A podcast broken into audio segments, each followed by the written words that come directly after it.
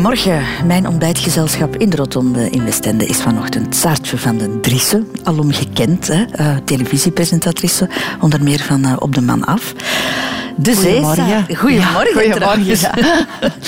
De zeesaartje ja. heb je als kind uh, veel opgezeten, hè?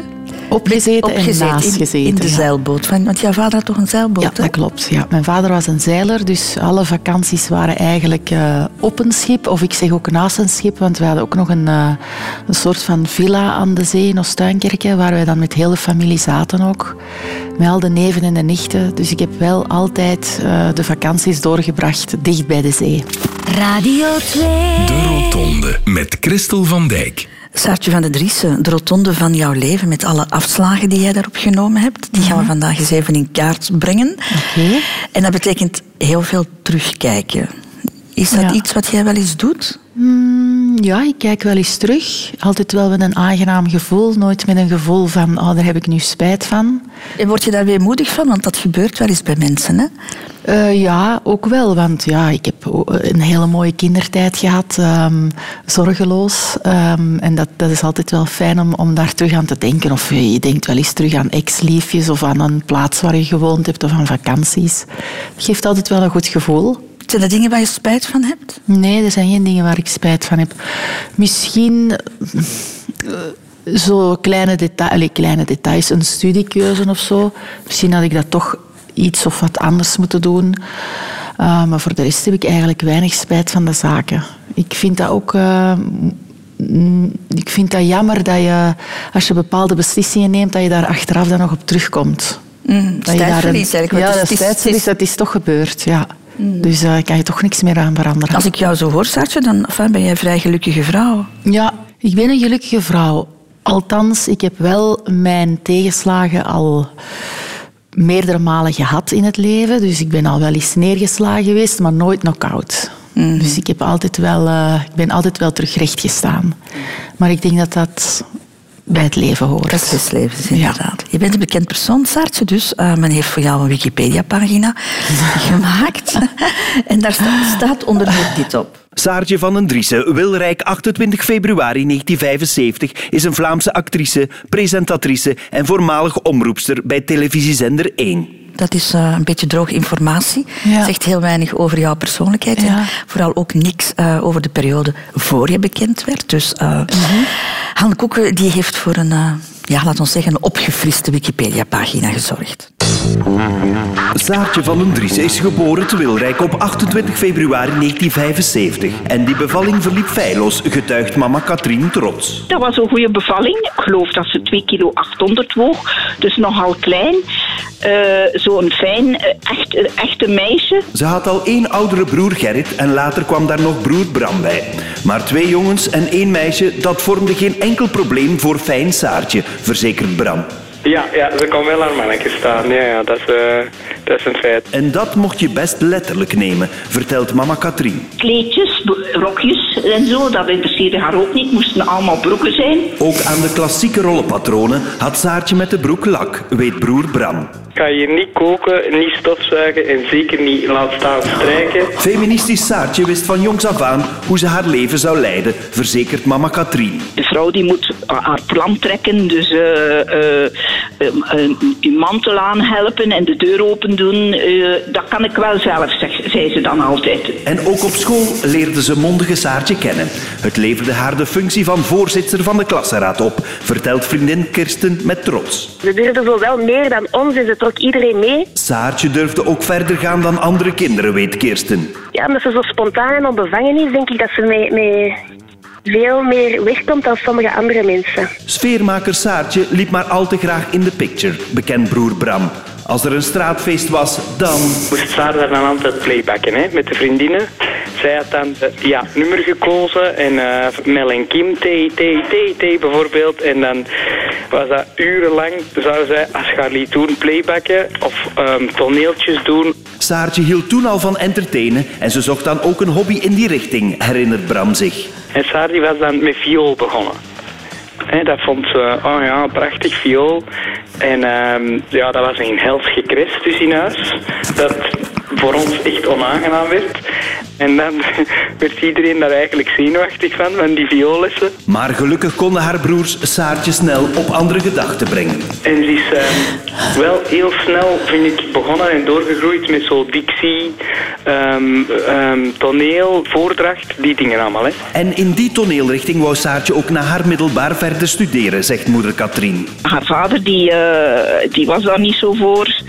En, en die zei ja, eerst een universitair diploma. En zo geschiedde. Saartje haalde netjes haar universitair diploma, ging dan toneelschool studeren en de rest is history. Jammer dat er geen Hilarisch. camera op stond, Saartje.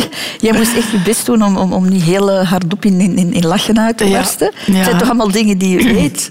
Ja, maar ik vind het wel heel grappig dat ik ineens mijn broer eh, zijn stem hoor, want die doet eigenlijk niet vaak zo'n dingen. Ik vind die ook wel heel grappig. Dus. Het is wel duidelijk, Saartje, mocht jouw moeder ooit gehoopt hebben op een echt meisje, dan kwam ze wel heel erg bedrogen uit. Ja, ja mijn moeder eh, die, eh, vond dat eigenlijk wel een beetje erg. Dat, eh, ja, dat ik niet zo'n meisje-meisje was die van shoppen hield en zo samen gezellig dingetjes doen. Ik wilde altijd buiten zijn met de jongens. En eh, hele kravotten. Ja. Dat was mijn ding. Een aantal dingen in het leven, Saartje van den Driessen, daar kan je niet zelf voor kiezen. En een daarvan is geboren worden in een bepaald gezin. En daarmee start de rotonde van jouw leven. Je bent geboren in een gezin van drie kinderen. Jij was de middelste en, en de enige dochter, hebben we dat net ook gehoord. Ehm, hoe zou jij het gezin beschrijven waarin jij bent opgegroeid? Eh, mijn vader was een eh, hele harde werker wel. Zijn identiteit was ook wel zijn job. Je vader was advocaat, hè? Ja. En mijn moeder stond eigenlijk een beetje ten dienste van mijn vader. Hè. Dus die werkte ook voor hem. Dus hij was echt de pater familias, zoals het echt nog vroeger was. En dan eh, hadden we, had ik mijn twee broers, waar ik wel een goed contact mee had. Want dat was ook, was ook wel heel vaak een fight. Dus een strijd ehm, tussen ons gedrieën. En dat ging heel vaak gepaard met elkaar echt fysiek pijn doen. Dus je moest, ik moest wel echt mijn mannetje staan om te overleven tussen die twee jongens. Ja. Nu, ik heb dat altijd heel leuk gevonden om met twee broers op te groeien. Omdat ja, ik keek daar wel naar op en dat waren altijd de durvers en ik deed dan altijd mee. Maar als je dan zo wat ouder wordt, dan begin je wel echt een zus zo te missen. Van, oh, dat is eigenlijk wel jammer dat ik geen zus heb waar je zoiets iets meer tegen kan vertellen. Broers waar jij eigenlijk ook altijd ja, de behoefte hebt gevoeld om jou te profileren. Hè? Ja, eigenlijk wel, ja. ja dat En was- waarom? ja, dat weet ik eigenlijk niet. Dat was... Vaak deden wij ook altijd spelletjes van wie is de beste of wie is de eerste of de sterkste. En ja, dat zat er zo bij ons in. En ja, mijn oudere broer, die eh, deed ook... Dat was echt een durval. En ja, dan was het maar aan ik en Bram om hem te volgen. Zo Mhm. was het eigenlijk altijd. Werd je op dezelfde manier opgevoed? ook? Nee, dat vind ik niet. Nee. Want wij hebben daar heel veel over gepraat. Nu nog. Dat ik mijn ouders met de vinger wijs dat mijn broers moesten gaan knutselen in de schuur en de fiets maken en dat ik dan moest opruimen of zo. En dat vind ik heden ten dagen nog altijd oneerlijk. Maar zij beweren dat dat niet het geval is. Dus dat is nog altijd een eh, punt van discussie. Ik ben mij wel wat gaan verzetten tegen eh, de vrouw moet eh, het huishouden doen. Ik vind dat niet. Die periode is voorbij. Of je doet het samen, of je laat het iemand anders doen, of de man doet het. Maar zeker niet alleen de vrouw. Daar ben ik nu wel achter gekomen. Heb je echt gerebelleerd thuis? Ja, maar eh, in, in niet in dermate dat het, eh, dat het echt schandalig werd. Ik was wel een kleine rebel, hè, een grote mond. En, eh, en ik zei wel altijd mijn mening en ik wilde bepaalde dingen niet doen. Maar ik was niet een rebel van ah, uitgaan en drugs en eh, alcohol. En, dat zeker niet. Maar wel tegen bepaalde waarden. Hè? Eh, het is, het feit dat jij je, jouw moeder gezien hebt als een vrouw die ten dienste stond van jouw vader, heeft dat daar ook mee te maken gehad? Ja, ik weet eigenlijk echt niet hoe dat komt, maar ik heb mij inderdaad wel heel hard verzet tegen die genderstereotype patronen. En voor mij was dat een evidentie dat ik eh, het anders ging doen. Dat ik eh, zelfstandig ging worden, niet afhankelijk van een man. Dat ik sowieso fulltime ging werken. Daar heb ik eigenlijk nooit bij stilgestaan. Dat is allemaal organisch gebeurd. Ehm, ja, en dat geeft ook een grote vorm van vrijheid. Maar in mijn geval van mijn moeder, dat was wel ook wel iemand die werkte en, en haar ding deed. En, en, uh, dus dat was niet, we zullen niet zeggen dat zij de slaaf was van haar man, maar, maar uh, mijn vader had wel het laatste woord. En nu is Mhm. dat omgedraaid. Ja. De rollen keren zich dan uiteindelijk Dat om. gebeurt heel dikwijls, ja, dat is waar. Je bent nu 44, eh, Ja. Saartje. Hoeveel van het jonge meisje zit er nog in jou? Ja, nog heel veel. Ja. ja, ik merk dat als ik met mijn dochter omga, hoeveel kind dat er nog in mij zit en dat ik daar nog altijd van kan genieten om echt helemaal eh, naar het onnozele te gaan. en mijn dochter heeft dat ook, dus dat is plezant, dat is lachen. Ik lach ook echt heel graag. Ik ben iemand die... Ik lach heel graag als iemand eh, iets leuks vertelt, maar ik doe ook graag mensen lachen. Je neemt ook nog altijd geen blad voor je mond. Hè? Dat is een beetje jouw imago. Maar ben je daar toch al een beetje in geëvolueerd? Ja. Ik vind dat ik eigenlijk heel sterk veranderd ben met vroeger. Vroeger was ik echt brutaal, kassant. Zo van, ja, ik zeg dat hier en we zullen wel zien wat er gebeurt. Maar ik ben daar toch op moeten terugkomen. En eh, ik zal niet zeggen dat ik helemaal binnen de lijntjes kleur, maar toch veel meer dan vroeger. Diplomatischer geworden. Ja, ik wil ook gewoon geen mensen kwetsen. Ik vind dat dat, niet gedaan, nodig. Ja, maar ongewild. Als je er alles uitflapt, heb je wel eens iets voor dat mensen zeggen: Sorry, maar ik vond dat echt niet tof. En dan schrik je natuurlijk enorm. Dan heb je zoiets van: Oh, sorry, dat was de bedoeling niet. En zo'n fratsen wil ik gewoon niet meer meemaken. Dus ja, ik let op mijn woorden. Ik vind- ben veel diplomatischer geworden. Veel rustiger ook wel. Vroeger was het een ongeleid projectiel. En nu ben ik veel kalmer, beredeneerder geworden. En het is goed zo. Ik vind het ook wel oké. Iets makkelijker misschien. De Rotonde. Radio 2. Radio 2. Saartje van den Driessen, ehm, hadden jouw ouders ook bepaalde toekomstverwachtingen voor jou? Nee. Want ik hoorde jouw moeder zeggen dat je vader zei, je moet wel naar de universiteit gaan. Ja, Dus is school, school is wel belangrijk geweest dan toch? Uh, mijn vader was wel iemand die graag wilde dat we verder studeren. Dat was duidelijk naar alle drie toe. En ja, wij vonden dat ook wel een evidentie dat we na de middelbaar gingen verder studeren. Alleen bij mijn twee broers ging dat heel gemakkelijk. En bij mij was dat echt een zware zoektocht. Uh, dus ik heb daar wel advies in gevraagd van wat ik zou gaan doen. Maar mijn vader heeft mij nooit verplicht om universitaire studie te gaan doen. Dat heb ik zelf Mhm. gedaan. Maar voor je naar de unie ging, heb je het uiteraard eerst middelbaar gedaan. En jij zat in een, uh, een richting, een wetenschappelijke richting. Terwijl je, dat je eigenlijk fysica en chemie haatte. Ja, ik uh, kwam van de Latijnse. Dus ik ben overgeschakeld naar een andere school. Omdat we toen waren verhuisd. En dan ben ik ineens ook naar de moderne gegaan. Omdat ik vond dat Latijn wel echt heel zwaar. En uh, inderdaad, dat was dan de moderne B. En dat was redelijk veel wiskunde en fysica. En voor mij was dat echt een drama. Men had het jou ook afgeraden om die Ja. richting te doen. Ja, men had het afgeraden. En uh, doordat ze mij het hadden afgeraden en hadden gezegd van ja, als je geen hoge punten haalt, dan zal je naar economie moeten, um, ben ik heel hard voor die wiskunde gaan studeren. En dan had ik denk ik uh, 84 procent of zo. En dan was ik, ben ik ook wel zo om dat aan die leerkracht die mij had afgeraden te gaan laten zien. Van kijk eens. En die zei, ja, sorry, ik heb mij vergist. Maar waarom wou je dat per se? Waarom koos je voor die moeilijkere weg? Uh, omdat daar de mensen zaten die ik graag had in die klas. Dat was heel simpel. Ah, dat was de enige dat was reden? Het, ja. Zo van, ah, die gaan dat doen. Ja, ik ook dan. Maar je moet toch heel veel discipline hebben dan, Saartje? Ik heb heel veel discipline. Ik heb heel veel discipline. Nee, want als dat een richting is die jou niet echt, niet, niet echt ligt en je moet daar zo hard, hard voor studeren. Ja, er is één ding wat ik altijd van in begin heb meegekregen en dat is discipline. Ik, ik, ik, stond ook op. Ik dekte dan de tafel vroeger, de ontbijttafel. Ik at, ik las de krant en ik ging naar boven en ik ging mijn lessen herhalen. Ik studeerde echt wel veel en goed. Ik had echt daar een ijzeren discipline in, in de universiteit ook. Hè. Ik ging altijd naar de les. Ik bekeek dat dan uh, de week daarna of diezelfde avond nog.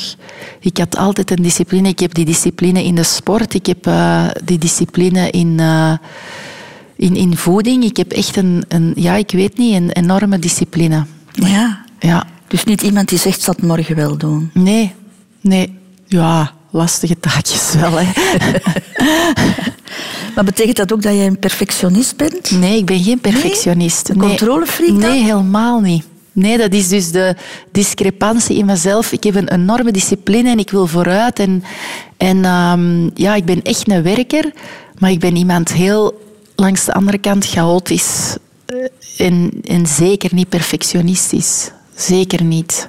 Maar wel in de doelen die je stelt, toch? Die wil je toch Ja, perfect tuurlijk. afhandelen? Ja, ja ik, ik, ik zie ook heel veel in de wereld dat mensen die beginnen iets en die maken dat dan niet af.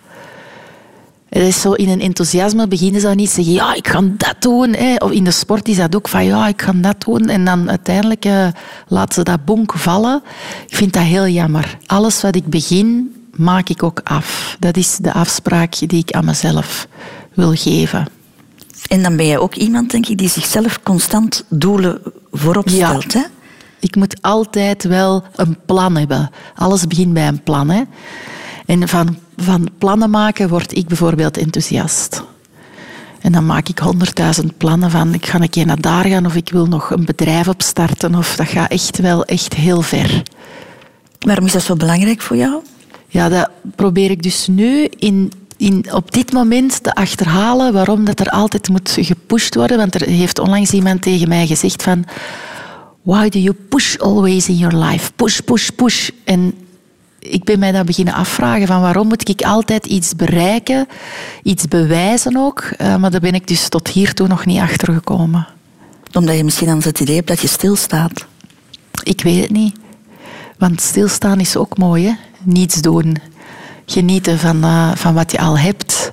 Maar het zit niet in mij. Ik wil dan altijd wel nog andere dingen doen. Ik vind ook dat je niet op deze wereld bent gezet om weinig te doen. Ja, je hebt maar één leven, zeg ik altijd. Hè? En, en dat wil ik dan ten volle benutten.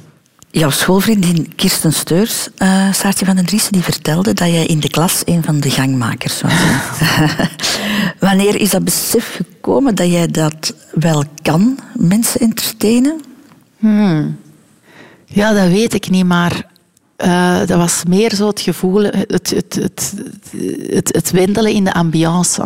Dat zit heel hard in onze familie. Hè. Wij zijn heel sociale mensen, wij houden graag van ambiance. En dat is dat eigenlijk. Hè. Als het eh, te kalm is of zo, dan werd ik zenuwachtig en dan durfde ik al wel eens spoken. En ja, je zoekt ook wel wat de vriendinnen op die op eh, gelijk met u staan, hè, die zo'n beetje hetzelfde zijn, hè, die ook graag eh eens goed lachen en eh, het leven zeker niet te serieus opnemen, want daar hou ik echt niet van. En ja, dan steek je elkaar wat aan. Dan wil ik hiermee even de link maken naar ja, de, de, de drang om naar de toneelschool te gaan, om acteur te worden. Want, want dat was als meisje van 18 toch jouw plan, hè? Ja, ja, ja, ja. Dus ik heb bewust gekozen voor een universitaire studie die maar vier jaar was. Want mijn vader zei dan, ja, doe dat rechten. Maar ik dacht, ja, dat is vijf jaar, dan ben ik nog een jaar kwijt. En dat was ook zo voor, vooropgesteld van, dat moet vier jaar zonder tweede zit zijn. Dus in één keer erdoor dat je niet nog een jaar eh, verkwanselt. Je hebt sociale en culturele agogiek gedaan, Ja. hè? even tussendoor. Ja. Dus het was niet de bedoeling om meteen naar die toneelschool te gaan. Dat had je voor jezelf ook uitgemaakt. Nee, dus direct na de universitaire studie zou ik dan eh, die toneelschool aanvangen. Dat was wel het plan. En dat heb je dan ook gedaan. Ja, ja, dat heb ik gedaan. Dus er was dan wel nog een jaar de kleine academie tussengekomen, maar dat was niet echt een opleiding voor mij. En dan eh, ja, de internationale tv-school heb ik toen gevolgd. Want eerst ben je wel naar Studio Herman Terling gegaan. Hè? Iets wat Ja. de meesten dan eh, wel kiezen. Maar daar ben je dan niet door de Nee, dus dat was, goh, wij stonden daar met 300 eh, mensen en ik was wel nog bij de laatste 50. En dan mocht je ook nog een week meedraaien. En dan eh, werd je geweigerd en dat was het plan niet. Dat was wel even van, oh, maar wacht eens even. Eh, nee, dat klopt niet. Hè? En dan ja, ik ben dan geen, van, als ik een nee krijg, dan zorg ik er wel altijd voor dat het een ja wordt. En dan, ja, dan ben ik een privéschool gaan doen. Maar kwam dat hard aan? Ja, dat kwam hard aan. Ja, want iemand, jij hebt een droom en iemand zegt, ah nee, dat gaat niet. Hè? En dan heb je zoiets van, wie zit jij? Die gaat zeggen dat ik dat niet mag. Ja, dan, dan, wordt, dan komt de rebel in mij wel naar boven. Ja, want mensen zouden hun zelfvertrouwen verliezen. Ja, ik jij- nee, ik word daar sterker. Precies, Ja, hè? ik word daaraan sterker door. Ik denk, ja, ik heb dat wel in mij. Ik ben, ik ben echt een, een goede... Ik kan een goede actrice worden en dan wil ik daar ook heel hard voor werken. En dat heb ik ook gedaan. Dan in die internationale tv-school heb ik echt drie jaar nog stevig eh, gewerkt. En dan is het wel heel grappig, want dan kom je dus op audities waar de mensen van Herman Teiling zitten. Ik heb er veel naar huis gespeeld. hè. Oh, ze geniet er nog Ja, van. ja, ik geniet er nog van. Van de rol is voor u. Yes. Ja, zo was het wel. Ja, je hebt dan in een aantal series gespeeld, eh, onder andere Costa en Matrushkas. Ja. Maar is die carrière geworden wat jij ervan verwacht had? Die theatercarrière? of Ehm, ik was eigenlijk qua acteren redelijk goed bezig. Dus ik speelde ook toen in het Raamtheater in Antwerpen. En eh, ik had wel job, regelmatig. En dan eh, ben ik bij de VRT begonnen als omroepster. En want ik deed ondertussen ook al... Ik was eigenlijk begonnen als VJ bij TMF. Dan ben ik naar VT4 overgegaan als omroepster. Maar dat was maar een jaar. En dan eigenlijk naar VRT. En vanaf dat ik omroepster werd bij VRT is dat echt carrément stilgevallen. En dat is zo die hokjesmentaliteit in Vlaanderen van oh ja, ze is omroepster, ze is geen actrice meer. En in het begin heb ik dan nog liggen schreeuwen en toeteren en blazen van hé, ik ben ook actrice en denk ook eens aan mij. Maar natuurlijk, hoe meer dat je dat probeert, hoe minder dat ze... Is dat? Ja, dat is echt zo. Dat heb ik echt gemerkt. En dan heb ik dat ook echt losgelaten. Ik dacht, ja, ik heb mijn werk, ik doe dat graag. Laat het los. Je zult er later nog iets mee doen. Dan heb ik wel nog zes jaar geleden zelf een theaterstuk in elkaar gestoken. Met Janine Wolfsvrouwen over de genderproblematiek. Ja, dat was ook een gesubsidieerd stuk. We hadden daar een eh, mooi bedrag eh, gekregen van de Vlaamse overheid om dat te maken. Ehm, dat was ook een heel zwaar project. Dus dat was schrijven, daar had ik dan iemand voor eh, aangenomen. Maar zelf spelen, zelf in elkaar steken, zelf zalen zoeken, zelf decor, dat was echt alles. En toen had ik het ook wel even gehad. Maar je hebt dat kunnen loslaten. Ja, ik heb dat echt kunnen loslaten. Ik heb daar ook geen enkele frustratie over of zo. Ik weet dat als er eh, een mooi project aangeboden wordt, dat ik daar wel zeker op ga ingaan. En ik weet ook dat dat gaat komen. Maar Ja? dat hoeft, ja, hoe zeker? ja, dat is intuïtie. Maar dat hoeft nu nog niet. Eén ding, Saartje van den Driessen, dat ik niet zo goed kan rijmen met jouw persoonlijkheid. Je hebt Ja. ooit meegedaan aan een misverkiezing. Ja. Je bent Miss Antwerpen geweest en dan heb je later ook meegedaan aan Miss België. Ja. Voor iemand die zich niet echt profileerde als meisje, is dat een vreemde beslissing. nee? Ja, dat is juist hetgeen eh, wat ik zo leuk vind aan mezelf. Ik heb dat geprobeerd. Ik heb dat, eh, ik, ik, voor mij was dat echt een, een eh, interessante ervaring om, om, om die kant van het leven ook eens te bekijken, van de misverkiezingen. Maar waarom heb je dat echt gedaan? Oh, Op gewoon. een om- bepaald moment moet je toch beslissen van ik schrijf mij in. Ah ja, ik Wat schrijf was jouw mij in. drijfveer dan? Eh, mijn drijfveer was, ik wil dat wel eens meemaken. Ik wil dat wel eens zien wat dat is. Dat was ook, we moesten ook eh, performen op, eh, op een podium. En ik wil niet zien of, dat, dat- of dat ik daar iets kon verwezenlijken, zeg maar. Uiteindelijk ging het dan ook wel alleen maar om de badpakjes zijn. Maar daar ben ik dan later eh, wel op eh, teruggekomen. Zo van, mm, dat is misschien niet zo interessant. Maar eh, dat, ik vond dat wel een enorme ervaring. En ook zo, ja, je, zit dan in die mediashow, in die grote mediashow eh, op VTM. En, en, en eh, ineens zit Goedele Liekes naast u. Ik vond dat wel echt super cool. Heb je het ook gezien als een, als, als een soort van springplank toen? Misschien, ja, misschien zie je dat ook wel als springplank. Van oké, als je dat hebt, eh, dan moet je niet meer trekken en sleuren. Maar dat zijn de verkeerde redeneringen natuurlijk. Hè. Dat is niet zo. Hè. Maar jij wilde wel in de media terechtkomen dan? Ja, ik wilde vooral acteren, ja. Op scène of eh, in een serie, ja. Dat was echt wel mijn, eh, mijn plan, eigenlijk. Maar uit die misverkiezing is eigenlijk niks voortgevloeid. Nee, niks. Want je hebt dan het lot in eigen handen genomen, toch? Hè? Want je bent dan naar TMF gegaan. Ja, ik heb eh, gewoon eh, mij ingeschreven in een screentest. En dan, eh, dat is dan zo die discipline hè, dat ik dan heb van, kijk, ze nodigen mij uit voor een screentest, nu gaan we er verdomme voor zorgen dat je dat goed doet. En dan bereiden dat gewoon heel goed voor. En dan zitten daar in, al, in alle gemak je ding te doen. En dan is dat wel fijn dat ze zeggen van, ja, je screentest was echt heel goed, je mocht beginnen. Ja, jij bereidt dat echt voor. Ja, ik was echt... Een goede voorbereiding is alles. Dat zou je niet zeggen als je jou ziet, hè? Nee, je waarom bent zo'n niet? type dat je, waarvan dat je denkt, het komt allemaal vanzelf. Het is zo à l'improvist op het moment. Nee. Nee, nee, ik ben echt een goede voorbereider. Mhm. Ja. Ja, ik vind dat heel belangrijk om eh, alles voor te bereiden. Zelfs een gewoon gesprek met iemand. Ehm, dat vind ik ook belangrijk. Heb je dit voorbereid? Ja, ik heb dat voorbereid, tuurlijk. Ah ja? Ja, er zijn ook dingen die ik wil vertellen. En daar denk ik dan over na. Van wat wil ik kwijt? Wat gaan we niet zeggen? Wat gaan we wel zeggen? Dat zijn dingen, ja, tuurlijk. Ik zit ook al, denk ik, twintig jaar in het vak. Ik heb ook echt een periode gehad dat ik helemaal uitgepraat was over mezelf. En dat ik er zelfs moe van werd. En dan is dat wel belangrijk dat je, als je een interview doet, ook eens met nieuwe dingen, dat je nieuwe dingen vertelt. Nieuwe ideeën, nieuwe inzichten. En dat vind ik dan wel tof om mee te geven en niet altijd dezelfde oude koek.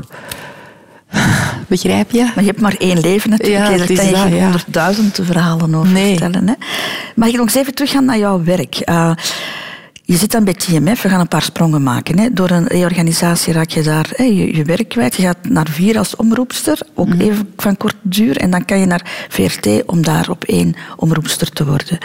Was allemaal pas op je dertigste, mag ik dat zeggen? Pas op je Ja. dertigste? Dat je eigenlijk de job, de job vond waarin dat je kon groeien. Ah ja. ja. Ja, ik heb dat niet zo ervaren van, maar ik ben nu pas begonnen, want daarvoor eh, was ik echt al bezig met acteerwerk en, dat eigenlijk eh, eh, te exploreren, zullen we maar zeggen.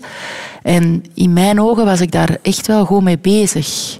Ik zat op een goede elan en ik dacht, ja, ik heb een goede combinatie gevonden tussen theater en, televisie. Voor mij is het goed. En dan is die TMF erbij gekomen. Ja, en dan is dat stilletjes aan gaan verleggen van acteerwerk naar presentatiewerk. Om dan uiteindelijk bij VRT te belanden en helemaal eh, op te gaan in het eh, presentatiewerk. Want ik ben aangenomen als omroepster, maar ze hadden er wel bij gezegd van ja, je gaat natuurlijk wel meer krijgen dan omroep alleen, want ik was ook niet geïnteresseerd in een omroep alleen natuurlijk. Ja, want je hebt het ooit- eens niet gezegd bij de auditie, bij Studio Herman Terling, je bent dan je resultaten gaan inkijken. Ja, ja, en ja, daar had men ja. opgeschreven van omroepster. Ja, ja, ja. ja en daar was je heel kwaad voor. Ja, ik was in shock. Ik was toen echt in shock. Dus je mocht vragen, ehm, uitleg waarom dat je er niet bij was. En dan... ehm, eh, mensen waren er niet. En toen zei die persoon, ja, maar ik zal eens in het boek kijken wat er bij u staat. Bij mij stond er effectief één woordje. En dat was omroepster. En ja, voor iemand die ja, wil, wilt acteren en de diepgang wilt zoeken en personages en emotie. En je ziet omroepster staan, was dat wel een slag in het gezicht. Dus dat zag men in jou. Geen actrice, maar Ja. een omroepster. En ze hebben gelijk gekregen. Hè. Ja, dat is eigenlijk echt heel straf. En uh, enfin, ik heb daar dan twee dagen over zitten kniezen. Maar ik dacht, ja, zo so hè. Ik heb het hen nooit uh, kwalijk genomen of zo. Radio 2. De Rotonde. Een van de meest persoonlijke afslagen in het leven, Saartje van den Driessen, dat is de liefde. Hè? Wat voor verwachting had jij daarvan als, als, als tiener? Veel. Ik had veel verwachtingen van de liefde. Ja, de alles overheersende liefde, de, de man van uw leven, dat uh, ja, op het witte paard komt aangewandeld. Dat verwachtte ik wel, ja. Eigenlijk een, een, een romantisch beeld. Ja, redelijk romantisch, ja. En wanneer ben je daarvan moeten afstappen? Snel. ik ben daar wel snel van moeten afstappen. Ik heb de liefde um, altijd wel, of een relatie hebben met, altijd wel moeilijk gevonden. Bij mij was het wel een, uh, een zoektocht, um, een, een brokkenparcours. Ik zeg soms een brokkenparcours, maar dat klinkt wel echt heel negatief. Uh, maar ik heb er lang over gedaan mm-hmm. om uh, rust te vinden. Want je bent niet iemand die, die veel... In hoeveelheid heb je niet, zo, niet zoveel mannen gehad. Hè? Nee. Je hebt altijd toch wel voor ja. langere relaties gekozen? Ja, ik was altijd wel een, een trouw iemand. Hè. Als ik voor iemand kies, dan wil je ook wel dat dat lukt. En dan uh, bleef ik daar ook wel misschien te lang bij. En wat bedoel je met te lang blijven, Saartje? Ja, relaties die, waarvan je aanvoelt dat het misschien niet helemaal dat is. En dat je toch blijft omwille van... Uh, het is een gewoonte geworden. En we hebben ook geen, niet echt altijd ruzie of zo. En dat je dan ja, wat, wat broer en zus wordt, hè, wat vervreemd van elkaar. Uh, Zo zijn er veel relaties. Hè. Maar dus ook in relaties geef jij niet op. Ga je tot het uiterste? Ehm, ja, ik ben, ik ben eigenlijk overgeschakeld van iemand die ehm, niet wilde opgeven naar relaties, naar iemand die wel heel snel zo van nee, dat, dat, dat is het dan ook niet. Wel heel snel de beslissing nam. Mhm. Misschien verwacht je ook heel veel van Ik verwacht heel veel. Ik verwacht echt heel veel van een man. Ehm, eh, ik heb dat proberen te onderzoeken hoe dat, dat komt, maar wij zitten natuurlijk in een, in een biotoop waar je heel vaak met communicatieve mensen omgaat. De media met grappige mensen, met mensen die eh, eh, de wereld hebben gezien, de prijs van het brood kennen. En ja, dat, dat verwachten dan ook allemaal van een man dat die zo zijn. Van die specifieke partner omdat je dat gewoon bent om met zo'n mensen om te gaan. Ik denk dat dat de verklaring is waarom dat ik zoveel verwacht van een man. Als je zoveel verwacht, is de kans misschien ook groot dat je die persoon nooit zal vinden. Ja, tuurlijk. Ja, dat is eh, niet evident. Hè? En natuurlijk, hoe ouder dat je wordt, hoe, hoe moeilijker het is. En ja, je hebt ook een rugzak. En andere personen hebben ook een rugzak. En dan moet je maar zien dat die twee rugzakken dat dat, eh, overeenstemt. Hè? Dat, dat, dat er iets eh mooi uit kan bloeien. Ja, het is moeilijker met ouder worden om opnieuw te Ja, ik beginnen vind dat wel. Ja. Ik vind dat wel niet zo gemakkelijk eigenlijk. Ehm, er is ook heel veel gebeurd hè, bij mij. Dus ehm, voor mij is het niet meer zo evident om helemaal te connecteren met iemand. En kan je goed alleen zijn? Kan je dat? Ja.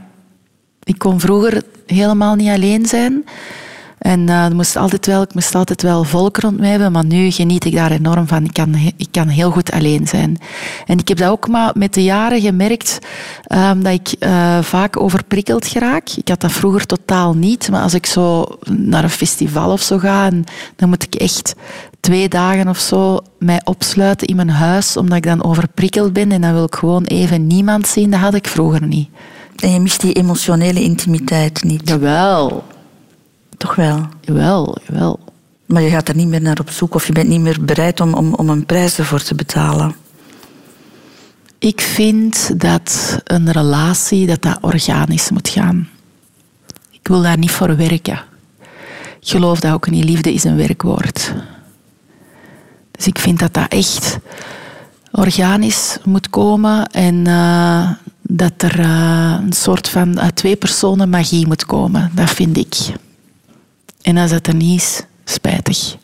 Hoop je er nog op op een of andere manier? Maar ik heb nu een partner hè, en, en wij zijn goed samen. Dus ik ben wel blij.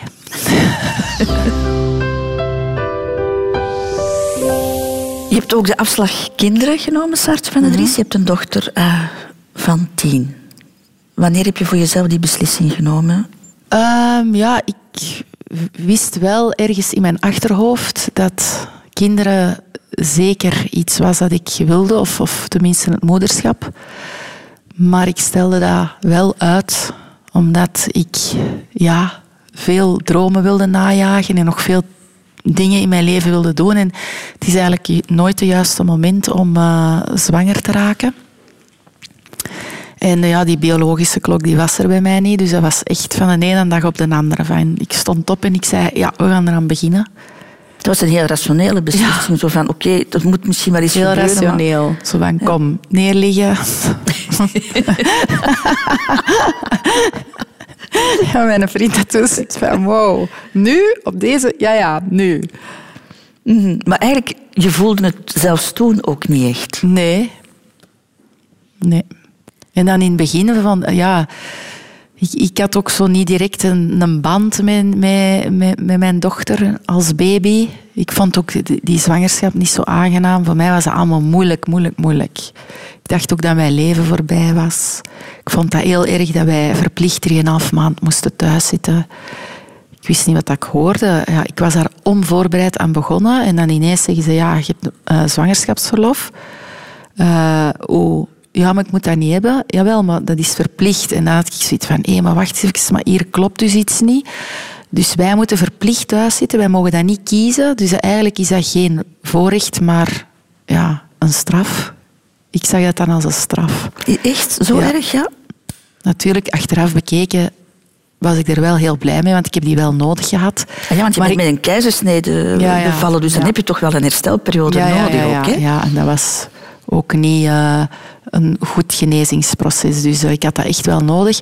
Maar ehm, ja, ik vond dat dan onrechtvaardig dat een man dan mag kiezen of dat hem tien dagen opneemt of niet. En wij verplicht. En dan toen eh, ehm, de, de, de, de vader van, van Mille... Die zat ook zo nog in een heel eh, mannelijk bedrijfscultuur. En die zei, ja, je gaat dat toch niet oppakken, eh, die, die eh, ouderschapsverlof. Alleen dan zitten er op je vrouw te kijken hoe die borstvoeding geeft. Kom dan jij maar werken. En dan had hij gezegd van, ja, nee, ga ik niet doen. Want dan krijg ik goed wat pitsen van mijn vrouw. Dus hij is mee thuis gebleven dan? Ja, tien dagen. Hè. Dagen, ja. Die heeft dat wel mooi opgenomen, maar toen in dat bedrijf was dat van, allee jong, dat gaat hij nu toch niet doen. Dat weet ik nog heel goed dat hij dat zei thuis en dat ik echt in shock was. En ja, dan was het echt het beeld van met de baby aan het raam staan en liggen blijten terwijl hij met de auto naar zijn werk mocht en ik niet. Dat wa- dat was eigenlijk drie maanden bijna gevangenis Ja. thuis. Drie maanden gevangenis. Want dan zei ze ook van ja, maar ja, je moet jij niet thuis zitten en je, moet, eh, en je kunt jij toch van alles doen. Maar ik was toen ook niet in staat om eh, met een baby rond te chokkelen. Dat was voor mij allemaal te veel. Ehm, en dan heb ik echt gemerkt van hoe erg dat, dat eigenlijk moet zijn als je totaal niet meer... ehm, eh, ja, hoe moet je dat zeggen? Dat je eigenlijk niks meer kunt en gewoon aan de keukentafel zit en naar de klok kijkt hoe die verder tikt. Dus je bent ook te moe, om, hè, want je denkt dan van oké, ik heb zwangerschapsverlof, ik ga dat nuttig besteden, ik ga boeken lezen en ik ga films zien en ik ga eh, formats uitwerken. En De Mont Ventoux uit- beklimmen, want jij Ja, wou ja, de Mont Ventoux beklimmen na een maand na, na Ja, de klopt. bevalling. Ja, dat is niet gelukt. En dus eh, je kunt niks. Je zit gewoon op een stoel. Je ziet naar de klok die tikt. En je hoopt dat het snel zes uur is, dat je man thuiskomt en dat je dan kunt zeggen, hier is de baby. Nu, tegenwoordig wordt er veel meer over gepraat, eerlijk gepraat. hè, Dat Ja. kinderen, dat dat niet altijd de roze wolk is. Jij was een van de eerste, denk ik, die daar openlijk voor uitkwam. Ja, hè? maar ik, heb daar wel, ik ben daar wel op teruggekomen. Want ik vond dat je als vrouw door andere vrouwen heel hard werd aangepakt. Als je daarover sprak, van ja, bij mij was dat niet zo. En, en ik voelde mij niet goed daarbij. En dan werden, worden bestempeld door andere vrouwen als een ondankbaar wicht. Want jij bent wel iemand die een kind kan krijgen en je bent daar niet dankbaar voor. En ehm, ja, als, als, als een buitenstaander. Van, oh, je bent een beetje gaga in je kop. Waarom wou je daar zo openlijk over getuigen? Want je wist dat je tegenwind ging krijgen. Nee, dat wist ik niet. Ah, nee? Nee, dat wist ik niet. Dat was nieuw voor mij. Dat was echt nieuw. Vrouwen kunnen heel hard zijn voor, voor andere vrouwen. En vooral als het gaat over het moederschap. Hè. Ik ben daar echt op teruggekomen. Eigenlijk wil ik daar nog heel weinig over zeggen, maar ik heb er nog heel veel over te vertellen. Over, ook over borstvoeding, inderdaad. Zo die discussie dat er nu aan de gang is. Ehm, eh, over hoe ik opvoeding zie, hoe ik ook heel veel vrouwen eh, zie eh struggelen met, met het moederschap. Ehm, die onzekerheid die er vaak is. Eigenlijk is er heel veel rond te vertellen, maar ik, ik ben niet degene die dat gaat doen. Mhm. Heb je er ooit schuldig over gevoeld? Dat je niet meteen die, die band had? Nee. Nee. Omdat ik nu een hele goede band met mijn dochter heb. Hè. Dat willen we toch wel even verduidelijken. natuurlijk. Je Ja. bent heel blij met je kind. hè? Ja, ja, heel blij. Ja. Dus ja, ik vind dat ongelooflijk. Ik had nooit verwacht dat dat in die mate zo zaligmakend ging zijn. Omdat wij hebben echt een hele sterke band. En ja, wij zijn echt een team. Hè. Wij, wij lachen veel, wij praten veel, wij, wij doen veel samen. Wij kunnen echt genieten van mekaars aanwezigheid zonder dat er dan iets bij moet komen. Gewoon gaan wandelen in de natuur met ons tweeën. Dat vinden wij leuk. Of samen in bed kruipen. Het is bij één kind gebleven. Ja. Ook een bewuste keuze? Ja, ik, ik, ik zeg dat altijd. Als ik dat gewoon... Dat is nu heel cru dat ik dat ga verwoorden. Maar als ik dat gewoon kan kopen, dan koop ik dat direct. Maar zo die, die, die zwangerschap en eh, dat zwangerschapsverlof, en dat heb ik echt... Dat kan ik gewoon niet meer opbrengen. Dat was te veel. Ik ben daar ook echt moe door geraakt. Door, uh, door heel die... Uh, dat heeft veel van mijn lichaam gevraagd ook. En ik ben dan daarna wel echt wat beginnen sukkelen met zo moe, moe, ik ben moe, ik ben moe. En uh, dus ik, daar heb ik zo wel een heel lange zoektocht voor moeten doen om dat terug in orde te krijgen. Ja, daar gaan we het zo meteen over hebben, Saartje.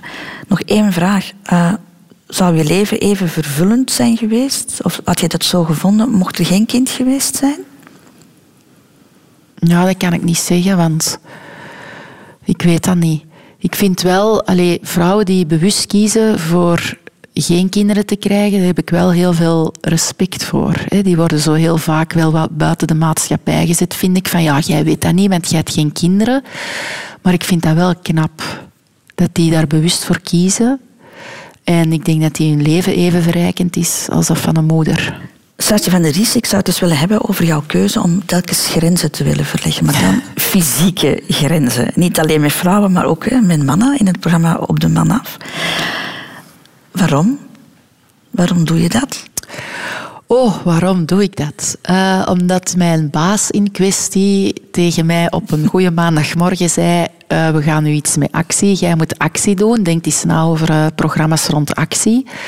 En dan ben ik beginnen zoeken en zoeken. En ja, je maakt een personality reality, dus je zoekt echt naar een programma dat op uw lijf geschreven is. En mijn um, voordeel is dat ik eigenlijk heel veel kan qua sporten, maar ik ben in niets heel goed. Maar ik kan wel echt heel veel. Mm, maar nu doe je alsof dat het gewoon is om brood op de plank te krijgen, maar ik denk dat het meer is dan dat, hè? Um, ja, sommige mensen houden van grenzen te verleggen, van, van jezelf eens uh, uit te putten. Uh, andere mensen niet. Die houden daar niet van. Um, ja, dat is, dat, dat, is een deel van je DNA. Hè. En dat gaat altijd verder en verder. Hè. Dus je begint dan een keer met de 10 miles te lopen en dan gaat dat verder naar uh, een kwartje triathlon. En dan zeg je dat mm, ik heb een kwartje triathlon gedaan, nu gaan we toch eens een halve triathlon doen. En dat is de reden waarom dat mensen vaak heel extreem gaan. Hè? Omdat ze altijd maar meer en meer willen. Je moet het fysiek aankunnen, maar toch ook emotioneel. Je moet toch die mentale weerbaarheid hebben om, ja. om dat te kunnen. Ik heb geleerd bij, bij de sport dat een opgave 99% mentaal is. Hè. De vijand zit heel vaak tussen de twee oren. Dat heb ik geleerd. Je kunt op mentaal vlak echt heel veel doen. Allee, het heeft geen zin om je fysiek sterk, sterk te maken zonder daarbij het mentale aspect aan te pakken. Daar kan je echt wel nog heel veel stappen mee vooruit nemen. Maar soms botst de mens dan toch wel op, op zijn limieten. Hè? Dat is bij jou toch gebeurd. Hè? Ja. Je was ontzettend moe. Ja, die moeheid die was er ingeslopen na de bevalling eigenlijk. En in het begin vinden dat maar normaal. Hè, want iedereen zegt, ja, je bent bevallen en, en dat is uh, normaal en je kind slaapt niet door en zo. Maar als dat dan eenmaal achter de rug is, dan bleef dat zo. En dat is zo'n soort van moeheid waar je niet precies de vinger op kan leggen van, van waar komt het.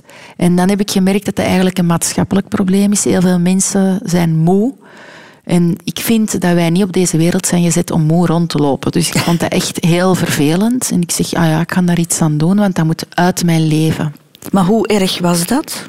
Ja, dat, je, dat, was, dat, dat, dat ging, in dermate was dat erg dat ik bijvoorbeeld ook niet meer uh, tijdens een gesprek op woorden kon komen. Dan was dat van ja, of opname van vriendinnen bijvoorbeeld. Dan was dat ja, alleen die, allee, die meer blond haar. En dan zei ze, ah, Saskia, oh, maar dat is toch een goede vriendin van u? En ik, ja, ja, ik weet het, maar ik kon gewoon niet meer op die naam komen. Dus ik vond, ik dacht eigenlijk echt dat ik Alzheimer of, of dementie had. Dus ik heb toen aan mijn dokter gebeld en gezegd van ja, het is hier voorbij mijn leven, want ik heb dementie. En toen begon die echt te lachen en die zei, maar jij zegt gewoon moe, kan dat? Ik zeg ja. En dan, je laat ook je bloed trekken en zo. En dan zei hij van, ja, je bent zo jong als een veulen, het zal wel ergens anders liggen. En dan beginnen een zoektocht. Hè. En daar is aan dat boek altijd energie uitgekomen. Um, dan gaan alle aspecten af waar dat de lek kan zitten. Hè. Dat kan uh, beweging zijn, maar dat zat redelijk goed. Voeding, slaap. Daar heb ik nog heel veel dingen ontdekt. En dan vooral het mentale aspect. Heb ik heel veel dingen ontdekt. Daar kan een heel grote lek zitten bij heel veel mensen. En wat was bij jou het probleem dan? Mentaal. Ja, het leven is zo echt een rollercoaster. Je komt daar echt in terecht. Je krijgt hier en daar wat, wat kletsen. En uh, ja, dat laat toch zijn sporen na. En um, door daar eh, te veel mee bezig te zijn, zit een kraan open hè? en dat lekt. En als je daar heel goed beseft van oké, daar zit het probleem, dan kun je dat ook echt oplossen.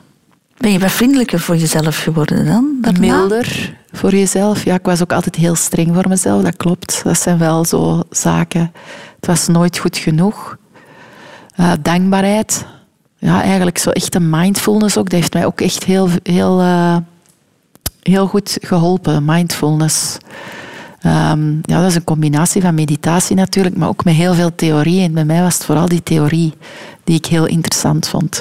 En ja, dan begin je ook heel veel boeken daarover te lezen. Hè. Boeken over loslaten, boeken over, eh, over eh, de kracht van het positivisme. eh, en, en stilletjes aan neemde dan zo dingen tot u die voor u goed zijn. En dan... eh, ja, daar, daar, daar komt er wel beter uit. Ja, dat is eigenlijk zelfontplooiing. Hè. Dat is waar Goethe ook al heel lang mee bezig was. Ik bedoel, dat is allemaal niet nieuw. Hè. Eh, maar ehm, dat geeft u wel een vorm van vrijheid. Maar ben je nu alert voor de signalen? Voor bepaalde Ja. si- ja? Heel hard. Ja, ik voel bijvoorbeeld direct aan mijn ademhaling van oh, het wordt hier gewoon weer even te veel. En ik, ik, ik eh, moet ook gewoon bewust altijd wel wat gas terugnemen.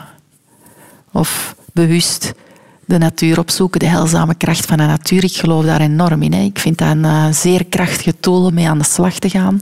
Dus ik ga bewust, trek ik vaak de natuur in voor eh, in de eerste plaats de energie te krijgen van de bomen en in de tweede plaats om eh, tot rust te komen. Dus je laat jezelf zo nu en dan toe om eens niks te doen Ja. ook. Ja. Maar sporten is ook, in, eh, als je gewoon gaat joggen, dat is ook meditatief bewegen op een rustig tempo. Dat is ook niks doen. Hè. Ah ja? Dus ik vind ook. Oké. Eh, ja. Ja, ik- heb dat heel hard dat effect als ik ga lopen en, en, en het is rustig. Hè. Je doet bijvoorbeeld geen interval of zo. Je gaat rustig op een tempo, hè, dat je nog kan praten, gaan lopen. Dan kom ik thuis en zit mijn hoofd helemaal vol met nieuwe ideeën. Dat is fantastisch. Van, oh ja, ik ga dat doen en dat doen. En nou, dat is gewoon, dat is allemaal bedacht tijdens die looptocht. Omdat de ruimte vrijkomt. En, en daarvoor had ik altijd het gevoel dat ik de feiten achterna liep. En dat, daar, sukkelen heel veel mensen mee. Het gevoel hebben van het is allemaal te veel. Ik, ik zit constant op mijn limiet. Ik loop de feiten achterna. Dat heb jij nu onder in evenwicht. Onder Ja. controle is misschien Ja. veel zit, maar in evenwicht. Ik heb dat inderdaad in evenwicht. Ik kan nog altijd heel veel informatie willen en willen opslaan. En, en gelukkig kan ik dat nu terug opslaan. Maar die momenten dat, het, dat de rust, eh, dat de pauzeknop moet ingeduwd worden, zijn wel noodzakelijk. Radio Radio 2. over de afslagen van het leven. De Rotonde. We moeten nog één afslag nemen, Saartje van den Driessen. Ja. En dat is doodgaan. Ja, Jij leeft tegen duizend per uur, zal ik maar zeggen. En dan op een bepaald moment is er de complete roerloosheid. Complete stilte. Lijkt mij de hel voor jou. ik ben daar niet mee bezig. Met de dood. Ik wil dat ook niet. We zullen dan na wel zien eh, wat het is. Maar ehm, ik zeg wel altijd, ik ga niet stokoud rondlopen. Voor mij is 85 goed. En dan... Dat denk je dat je dan Ja, ik denk gaat dat, ja. denken. dan denk ik dan eh, dat ik het wel heb gezien. Omdat dat nog zo ver af ligt natuurlijk. Ja, en ook het gevoel van dat je dan niet meer heel eh, mobiel bent en zo. Hè? Dat je dan misschien niet meer alle dingen kunt doen die je wil doen. Ja, ik ga niet... eh, ik heb geen zin om in mijn sofa naar de klok te kijken. Heb je schrik om ouder te worden, ja? Ik heb geen schrik om ouder te worden, maar wel om eh, niet meer mobiel te zijn en niet meer de dingen te kunnen doen of niet meer te kunnen genieten van eh, leuke dingen. Want ehm, waar ik wel heel veel schrik voor heb, is als je lichaam niet meer mee wil. Want ik heb altijd heel hard vertrouwd op mijn lichaam. Ik heb ook een sterk lichaam. En als dat niet meer mee wil, dan denk ik wel dat ik het zal moeilijk hebben. Mhm. Nu, je gaat aftakelen, hè. Ja, dat is zo- en op een bepaald moment ga je niet meer kunnen Ja. wat dat je nu, nu kan. Maar ik heb wel met mijzelf een overeenkomst gemaakt, wat ik wel vaker doe. En dat was ehm, dat ik een fitte 60er, 70er wil worden. Echt nog iemand die... Hè, want je hebt, er zijn mensen die op hun 70 nog een marathon lopen. Hè. Ik wil dat ook. Maar je gaat dan kracht verliezen en dan, dan Ja, maar. En- sowieso, en, dat- hè. Ga je dat kunnen aanvaarden? Tuurlijk. Dat Zult voel wel moeten, Is het echt? Ja, ja, tuurlijk. Je hebt niet meer zo die explosiviteit van vroeger. Hè. Maar dat vind ik allemaal niet erg. Maar ehm, het, het, het, het gevoel hebben dat je nog kunt werken aan iets, ook als je wat ouder bent, dat wil ik wel behouden. Aan de fitheid, aan de conditie. Ik ben een pleiter voor krachttraining eigenlijk, toekoor. Ik vind dat heel belangrijk. Hè. We hebben spieren gekregen en ik vind dat je die moet benutten. Allemaal. En dat is ook op oudere leeftijd. Zit er iets religieus in jou? Nee. Ik heb eigenlijk niks met religie. Mijn Dus dochter is ook niet gedoopt. En ik ga ook niet trouwen voor de kerk. Alsof jij ooit zal trouwen. Ja, het is dat. dat is misschien al de Ja. eerste vraag. Dus denk je dat er niks is na, na dit? Ja, dat is heel moeilijk, hè, want oh, ik denk wel dat er iets is. Zeker. Maar ehm, wat, dat weet niemand. Hè. Ja, religie is, is, is ook iets dat dingen. Hè. En dan schiet ik in de rebellie. Hè. Dat vind ik dan weer vervelend. Ik heb het moeilijk mee. Je moet dit en je moet dat. Daar heb ik het echt moeilijk mee. Leven, dat is ook afscheid nemen. Ik ga het daar niet te diep over hebben, omdat het voor jou eh, heel, heel zwaar is geweest. Maar je bent hè, een goed half jaar geleden geconfronteerd geweest met de breekbaarheid van het leven. hè, Want je Ja. ex-partner is toen overleden. Heeft dat jouw kijk op het leven veranderd? Die plotse dood? Mm. Ja, het, het, het, is wel een eh, ex-partner, maar het feit dat hij gewoon uit uw leven verdwijnt, ook al was dat zijn keuze, is wel heel hard aangekomen. Dat heeft heel veel ehm, wonden nagelaten en je kunt het allemaal wel rationeel plaatsen van oké, het is zijn keuze en dat moeten we respecteren, maar zo, zo, zo zit het niet in elkaar. Er zijn ehm, schuldgevoelens waar je mee moet omgaan. En ehm, terecht of onterecht. Allee, ik bedoel, daar gaat het nu niet over. Maar eh, ook, ook eh, ja... Ja, die, die, die, die emoties die eigenlijk van achter een hoek zitten. Ik noem dat venijn of gif. Eigenlijk is dat venijn of gif dat achter een hoek zitten en af en toe is komen piepen. En dat slaat u wel echt onderuit. En dat vind ik heel moeilijk. Het is veel mooier als je gewoon van iemand af- afscheid kunt nemen dan, dan op die manier. Want dat is een litteken dat je gewoon voor de rest van je leven meeneemt. En dat vind ik heel erg. Het is er altijd. Je moet er gewoon mee leren leven. Want jullie waren nog goede vrienden, hè? Ja. Geen partners meer, maar, maar, maar goede vrienden. En dan Ja. denk je misschien, ik had meer. Ik had misschien meer Ik heb veel gedaan. veel gedaan. Ja, ik heb echt heel veel gedaan.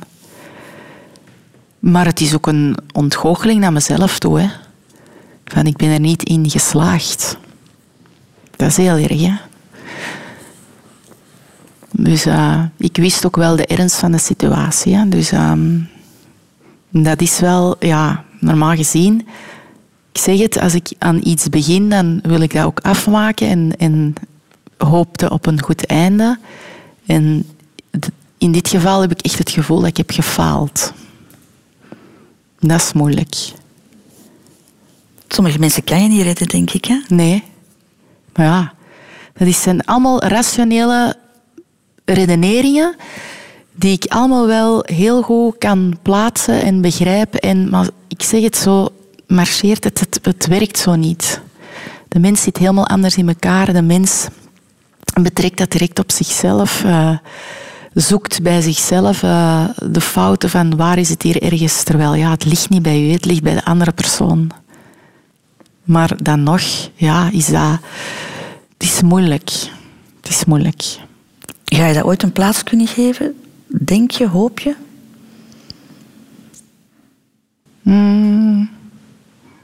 Ik ga dat wel ooit een plaats kunnen geven. Maar nu nog niet.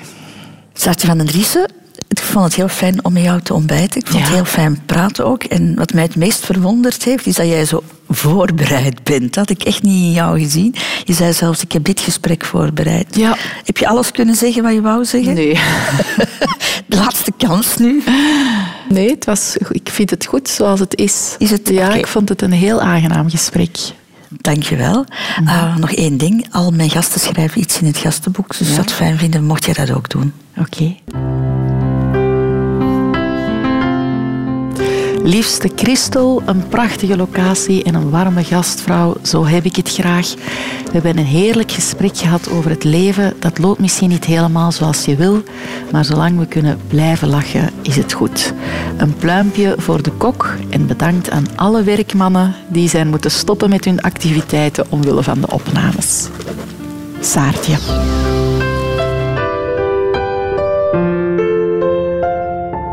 Radio 2.